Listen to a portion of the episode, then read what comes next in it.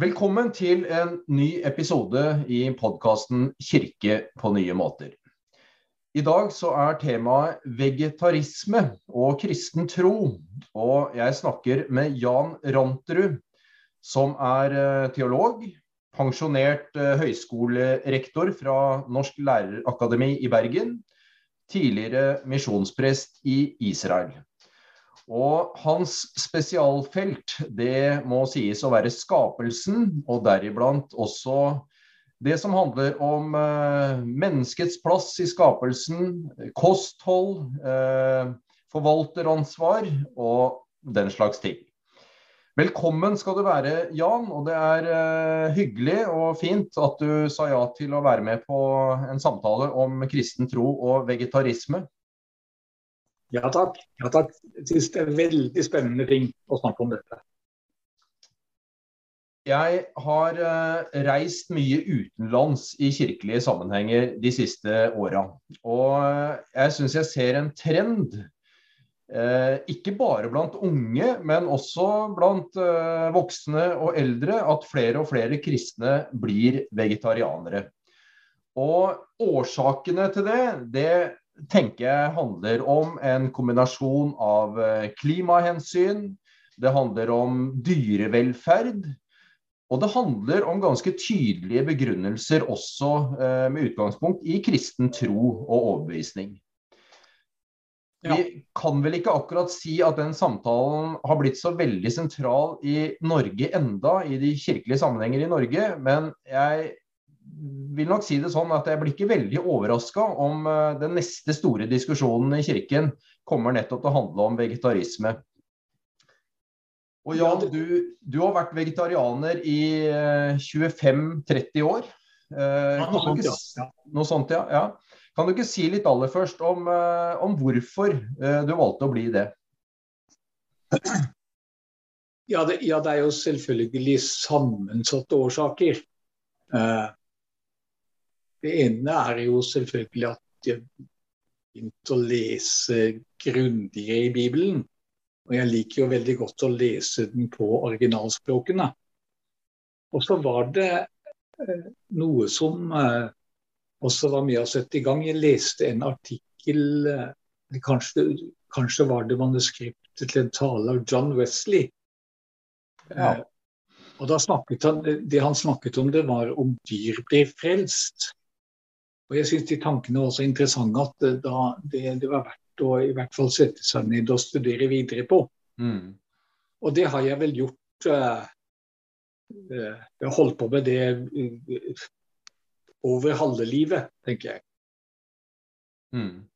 Og det er jo ganske lenge fordi at jeg er utgammal, vet du. ja. ja, du har jobba med dette lenge. Og det du, det du vel ta litt utgangspunkt i. Det, jeg nevnte dette at liksom eh, skapelsen og urhistorien er noe av ditt spesialfelt. Og, eh, og dette at eh, i den paradisiske tilstanden da, før eh, syndefallet, så er det ganske tydelig at maten vi ble gitt, det var alle grønne planter. Og du tenker at det er en del av skaperordningen, er det riktig?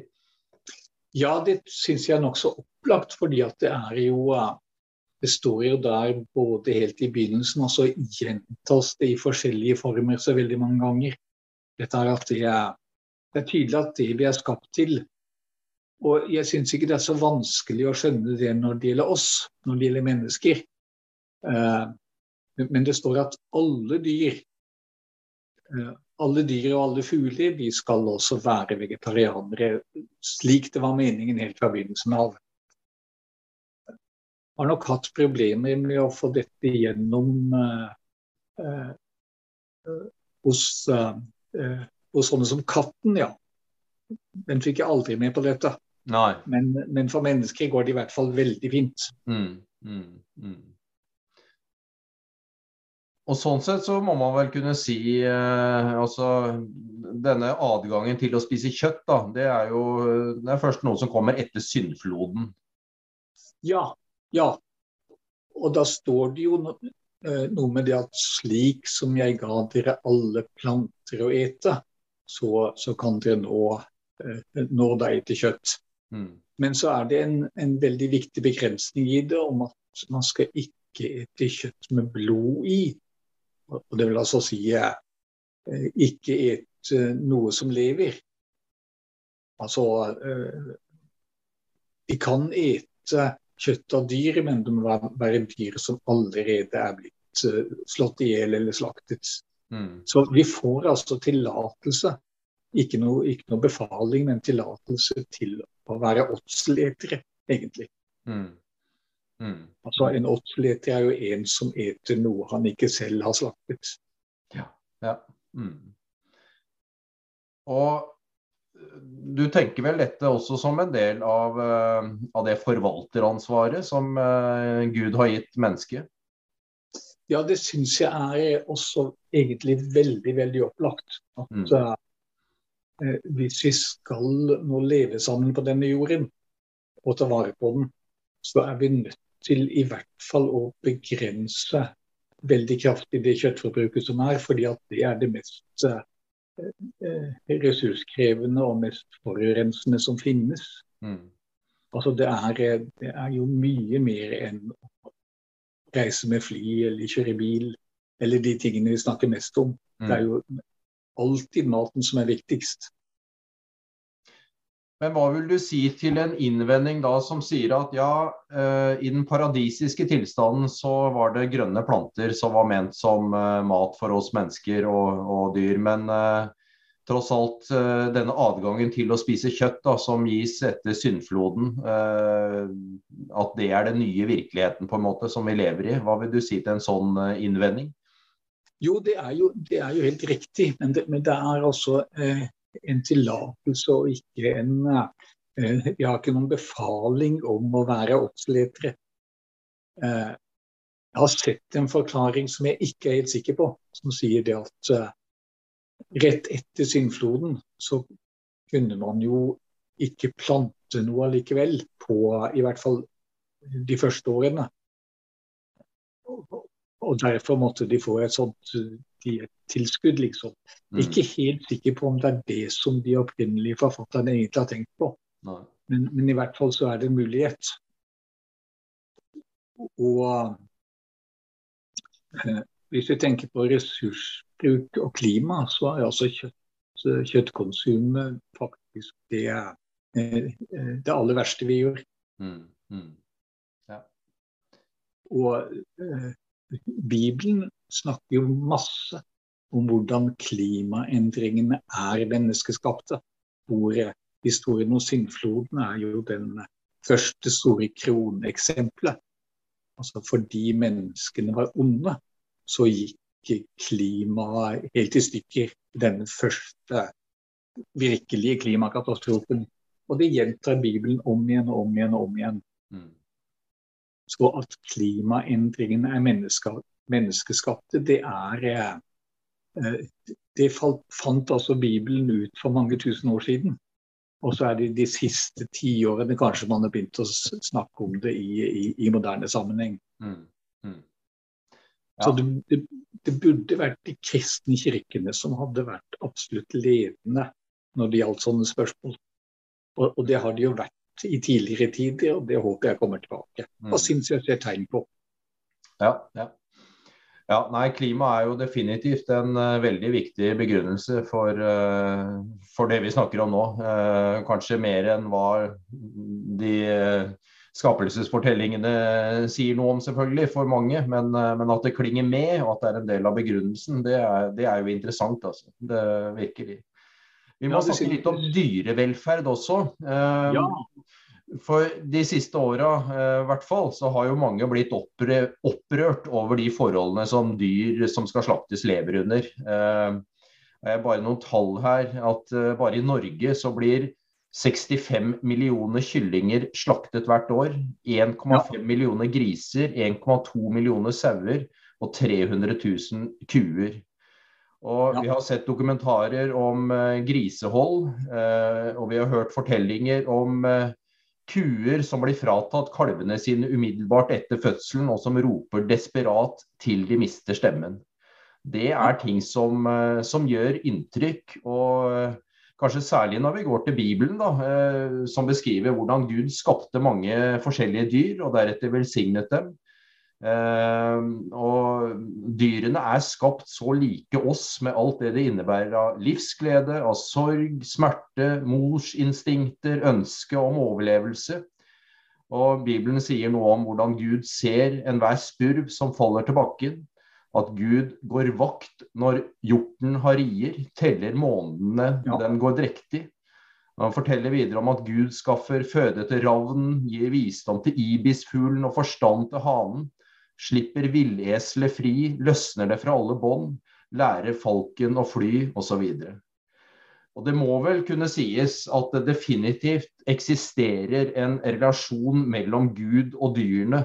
Eh, som på en måte er helt uavhengig av mennesket, og kanskje på en annen måte da, en relasjon mellom Gud og menneske også. Eh, og På bakgrunn av det så eh, har jeg hørt du har sagt at det bør være et minstemål for kristne å erkjenne at dyr har egenverdi. Ja, ja det syns jeg absolutt. Og, og, denne forskjellen mellom mennesker og dyr, den, er, eh, den finnes jo tydeligvis i Bibelen. Men når det står sånne ting som at eh, helt, helt i begynnelsen, første skapelsesberetningen, at vi skal styre og råde over alt annet levende, mm. så er det brukt de samme uttrykkene som når Kristus styrer og råder over menigheten. Og det er jo måten vi skal oppføre oss på uh, overfor de andre. Mm. Mm. Og, og, vi har nok laget et veldig kunstig skille mellom uh, mennesker og andre dyr som, som de ikke hadde på klassisk tid. Jeg er mm. veldig glad i å lese sånne klassiske, utgamle kommentarer til bibelteksten.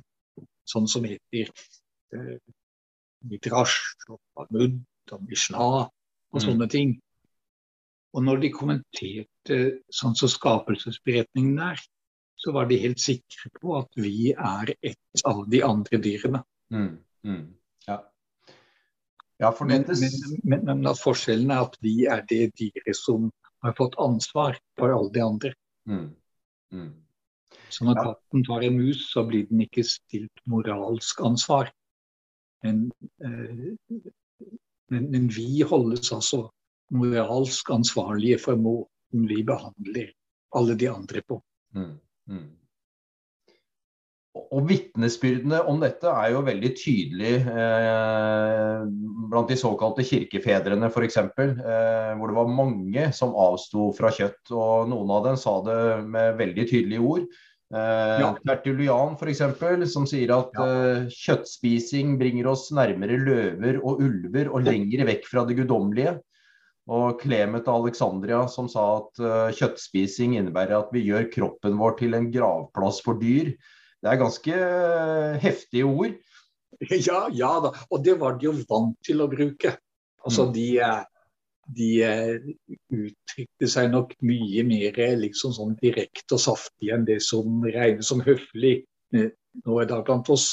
Men, men de, eh, de, var ganske konsekvente med det. Og det hørte sammen med hele synet på eh, Gud og på skapelsen og kristologien.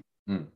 Alt sammen der. Og de hadde jo også lært det av, eh, av sånne som Paulus. Han gir jo en del sånne kostholdsråd. Noen følger vi, og noen følger vi ikke. Men de, han nevner altså det å spise kjøtt. Det nevner han bare to ganger. Og begge gangene sier han dette er noe jeg aldri ville spise. Mm. Hvis det fører noen til fall, og det gjør det jo faktisk, så eh, selv om vi ikke vet hva verken Jesus eller Paulus spiste. Altså, Vi kjenner jo ikke dietten deres så detaljert. Så uh, er det i hvert fall entydig dette altså, når de gir råd, så er det ikke spist kjøtt. Mm. Mm. Og du og mener også at uh, Martin Luther ville støtta oppfordringen fra FN og mange andre om å redusere kjøttbruket? Ja, det tror jeg faktisk han ville gjort. han skriver noe veldig interessant om dette med eh, hvorfor Gud skapte så veldig mange arter, også sånne som er eh, vi synes bare er i veien eller plagsomme. Altså hvorfor skapte han flått? Det hadde vi jo klart oss veldig godt Men han sier det noe er for at vi ikke skal bli håndmodige og begynne å tro at alt er til for oss så eh, satte han inn i verden sånne ting som skal minne oss på at vi er, eh, vi er en del av naturen, vi er en del av dyrelivet, og vi må, må ta med både det gode og det onde som er der. Mm. Og det, det, det, tror jeg jo fullt og fast på. Jeg tror han traff noe helt riktig. Mm.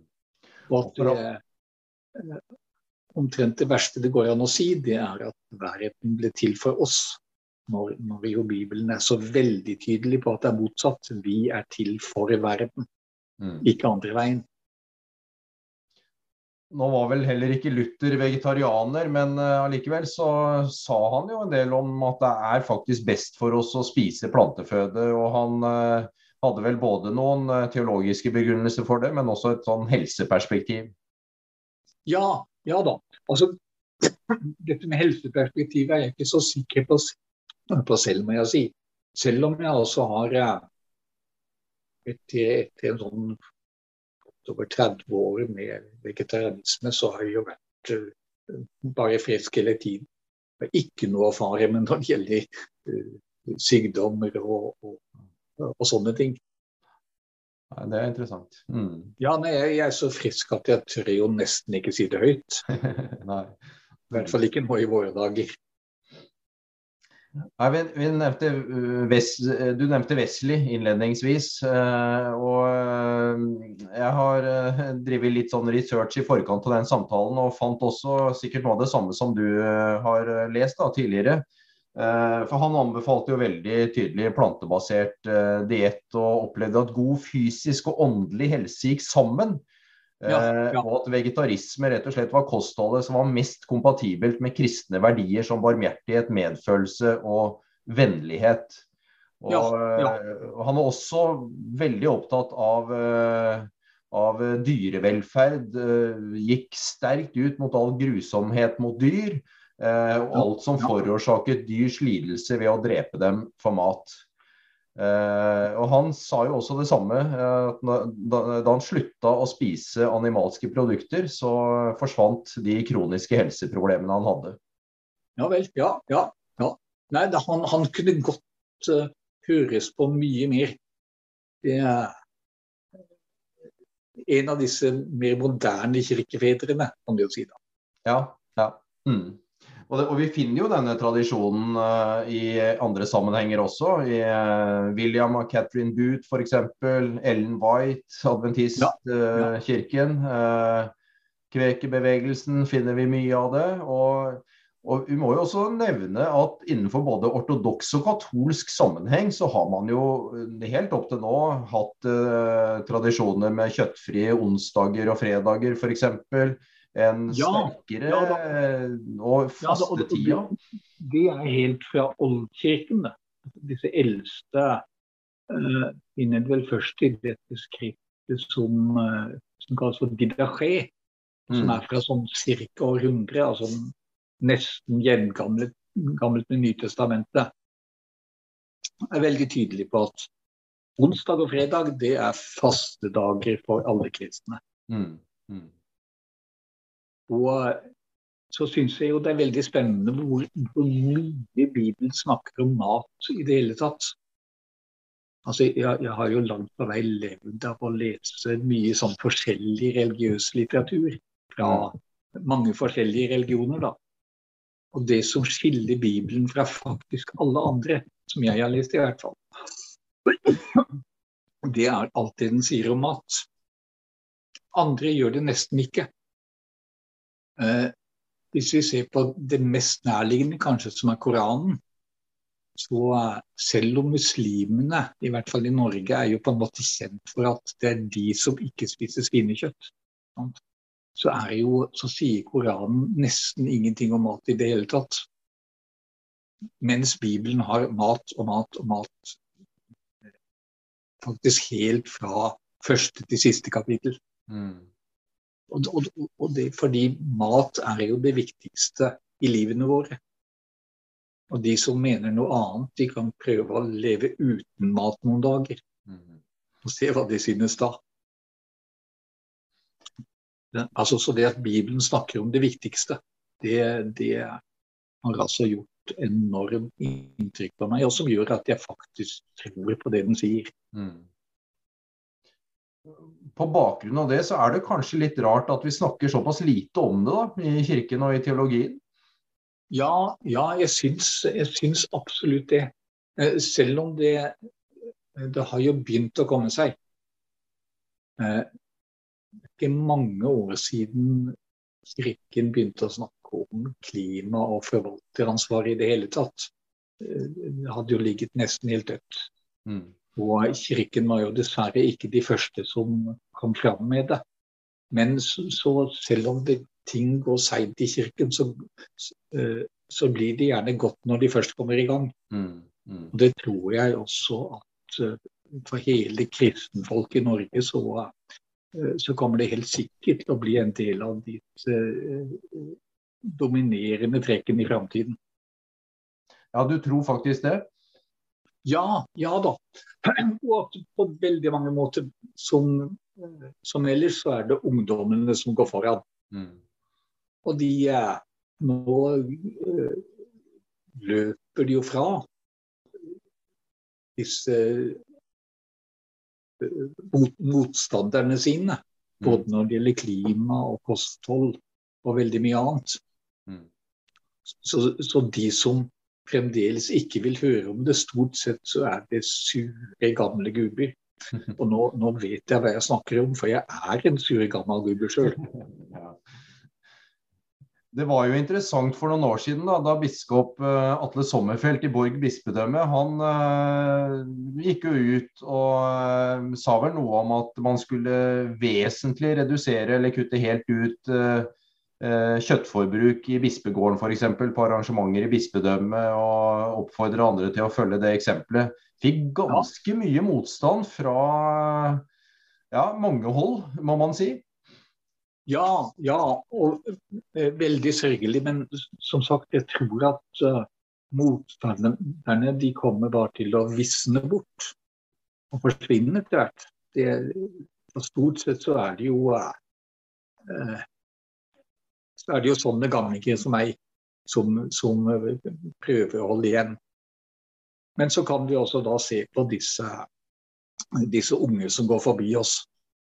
Mm. Og det, det syns jeg er en veldig, veldig god ting. Det er de som har en framtid. Mm, mm. Ja. Så, så, jeg tror faktisk at nå er det ganske mye som går i, i riktig retning. Altså ungdommenes engasjement både for klima, og for kosthold og for dyrevel, dyrevelferd. Og faktisk en del sånne nye teknologiske gjennombrudd som er i ferd med å skje. Altså det å lage kjøtt eh, Altså kjøtt som er dyrket og ikke slaktet. Mm. Mm. Et eller annet med noen muskelceller som uh, vokser i noe sånn uh, næringsoppløsning. Og som gjør at man fra et bitte litt uh, sånn nålestikkedyr, så kan man få tusenvis av tonner kjøtt uten mm. å bruke husdyr og beitedyr i det hele tatt. Og det syns jeg er veldig lovende. Mm. Mm. Ja, og det, vel, eh, det, har vel vært noe av innvendingen tidligere, kanskje. At uh, vi, vi, trenger kjøtt for å få i oss den næringen vi trenger. Men det, det er strengt tatt ikke en, uh, et veldig godt argument lenger. Uh, for den næringen kan man få i seg på andre måter. Ja, og det, det, er det jo ingen tvil om. Og, og, og, da kan jeg jo faktisk bruke meg selv som eksempel. da. Mm. Eh, jo ikke, holder meg langt unna kjøtt og melkeprodukter. Og mangler jo faktisk ingenting. Nei. Nei. Eh, som sagt så er jeg altså så, så frisk at jeg tør nesten ikke si det. Det var en som skrev her uh, for ikke så lenge siden at uh, uh, kjøtt kan kanskje gi en bitte liten smaksforskjell. At, men er vi, er vi villige til å på en måte gjøre så mye for den bitte lille smaksforskjellen? Da? Hva tenker du om det? Er det et argument? Ja, nå, nå, må jeg si at jeg, nå, nå, vet jeg jo lite om smaksforskjellen, siden, siden jeg ikke spiser verken kjøtt eller melk og ikke har noe å sammenligne med. Mm. Men uh, det at vi forandrer kostholdet, det har jo skjedd hele tiden. Det. Uansett, altså. Også kostholdet i Norge har jo over århundrene forandret seg veldig dramatisk. Og selvfølgelig kommer det til å fortsette. Mm, mm, mm. Vi har vært litt inne på det, men uh, Kirken framover, og du har god tro på at Kirken kan spille en rolle. Uh, hva vil være ditt råd da, til uh, både altså kirkeledere på sentralt hold i kirkene, men også lokale menighetsledere som prester, pastorer, diakoner osv.? Uh, hva slags rolle vil du anbefale dem å ta? Jo, det som er litt for enkelt kanskje, men i grunnen alltid mener, det er rett og slett les Bibelen mer. Les, les Guds ord. Mm. Og så ta på alvor det det sier. Og så ta gjerne en sånn grundig gjennomgang og finne ut hva er det den snakker aller mest om. Mm. Det, og det er jo mat, det. Mm. mm. Så, så, du lese Bibelen, ja. Det, det syns jeg er det beste rådet man kan gi. Mm. Nå har vi også mange gode norske oversettelser å holde oss til. Og da vil også dette med klimahensyn komme inn. Eh, dyrevelferd, helse. Ja, ja, ja. Men også sånne ting som eh, altså nøysomhetsideal. Eh, som jo er en gammel kristen dyd, det også. Abs absolutt. Absolutt det. Og ikke eh, Altså, vi skal ikke leve som om hele meningen med livet er å tjene flest mulig penger. Mm. Og krafte til oss så mye som mulig. Mm. Altså, hva, hva, har man igjen for det, egentlig? Mm. Vi ender jo på null i alle fall. Uh, jeg har vel egentlig bare sett et sånn tydelig uh, helseargument for vegetarianisme i bibelteksten. Og det er historien om uh, profeten Daniel. Da han satt Eh, egentlig som gissel hos babylonerkongen, så står det at han og vennene hans de ville ikke spise kongens fine mat. Og de eh, spiste brød og drakk vann, og det var det hele. Ville ikke spise kjøtt, altså. Og da står det at Daniel ble vakrere og klokere enn alle andre. Ja. Okay. Og det liker jeg veldig godt å lese. og uh, Eh, liker jo best å se det uten bilde. Ja. ja. Mm. Det er, det er, jo noen som snakker om at vi på en måte har Det har liksom oppstått et vakuum hva gjelder kristen livsstil. Eh, tidligere så var på en måte ja, kravene til kristen livsstil ganske sånn tydelige og, og, og, sånne ting. Og så er det en del av de tingene som har blitt borte litt på veien og sånn. Men eh, dette med vegetarisme, kan det være en måte å uttrykke nettopp kristen livsstil på i dag? Og noe som eh, ja, kan være et vitnesbyrd, rett og slett? Tenker du sånn? Ja, det tror jeg faktisk at det, at det gjør det. For det er jo det som eh, noe de aller fleste er opptatt av, nemlig miljøet og ta vare på den, den, jorden som vi skal leve i. Og da mm. igjen spesielt ungdommene. Mm. Og det at sånne livsstilsspørsmål som gjaldt om det er rett å danse eller gå på kino eller sånn, at det forsvinner, det ser jeg ingen grunn til å beklage. Nei, nei. Fordi at dette det er egentlig helt nøytrale ting. Men om vi lever etter Guds uttrykte vilje eller ikke, det, det er jo det aller, aller viktigste. Mm. Og Gud vil jo at vi holder oss ansvarlig for å ta vare på den jorden og alt det andre som lever, som vi skal leve sammen med. Mm, mm. Jeg tror jeg har lyst til å avslutte med et sitat av eh, John Wesley igjen. Jeg. Um, ja, som uh, sa en gang at uh, jeg tror i mitt hjerte at tro på Jesus Kristus kan og vil lede oss utover en eksklusiv bekymring for andre menneskers velvære til en bredere bekymring for fuglenes velvære i bakgårdene våre, fiskenes velvære i våre elver og alle levende veseners velvære på jordens overflate. Veldig, veldig godt sagt. Eh, en av de tingene som faktisk kunne stått i Det nye testamentet, men, men altså eh, Jeg tror han hadde helt fullstendig rett, og mm. sa det på en veldig god måte. Mm. Og, og, I forlengelsen av dette så bruker han også ganske sterke ord, for da tar han avstand fra ting som, som hanekamper f.eks. Jakt, ja. annen moro eh, i anførselstegn med dyr. Og, og han uh, sier at hvis, hvis, det er noen som liker sånne ting, så spør han om de fortjener å kalles mennesker, og om de i det hele tatt passer inn i samfunnet. Ja. Ja. Ja, det er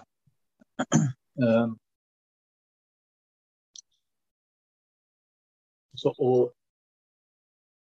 bruke dyr bare som sånn litt sånn pervers underholdning eh, når, vi, når, vi, bruker dyr som gjenstander på den måten, så vil vi jo alltid også bruke mennesker på samme måte. Fordi at måten vi forholder oss til dyr, gir alltid, uten unntak, en gjenspeiling i måten vi forholder oss til andre mennesker.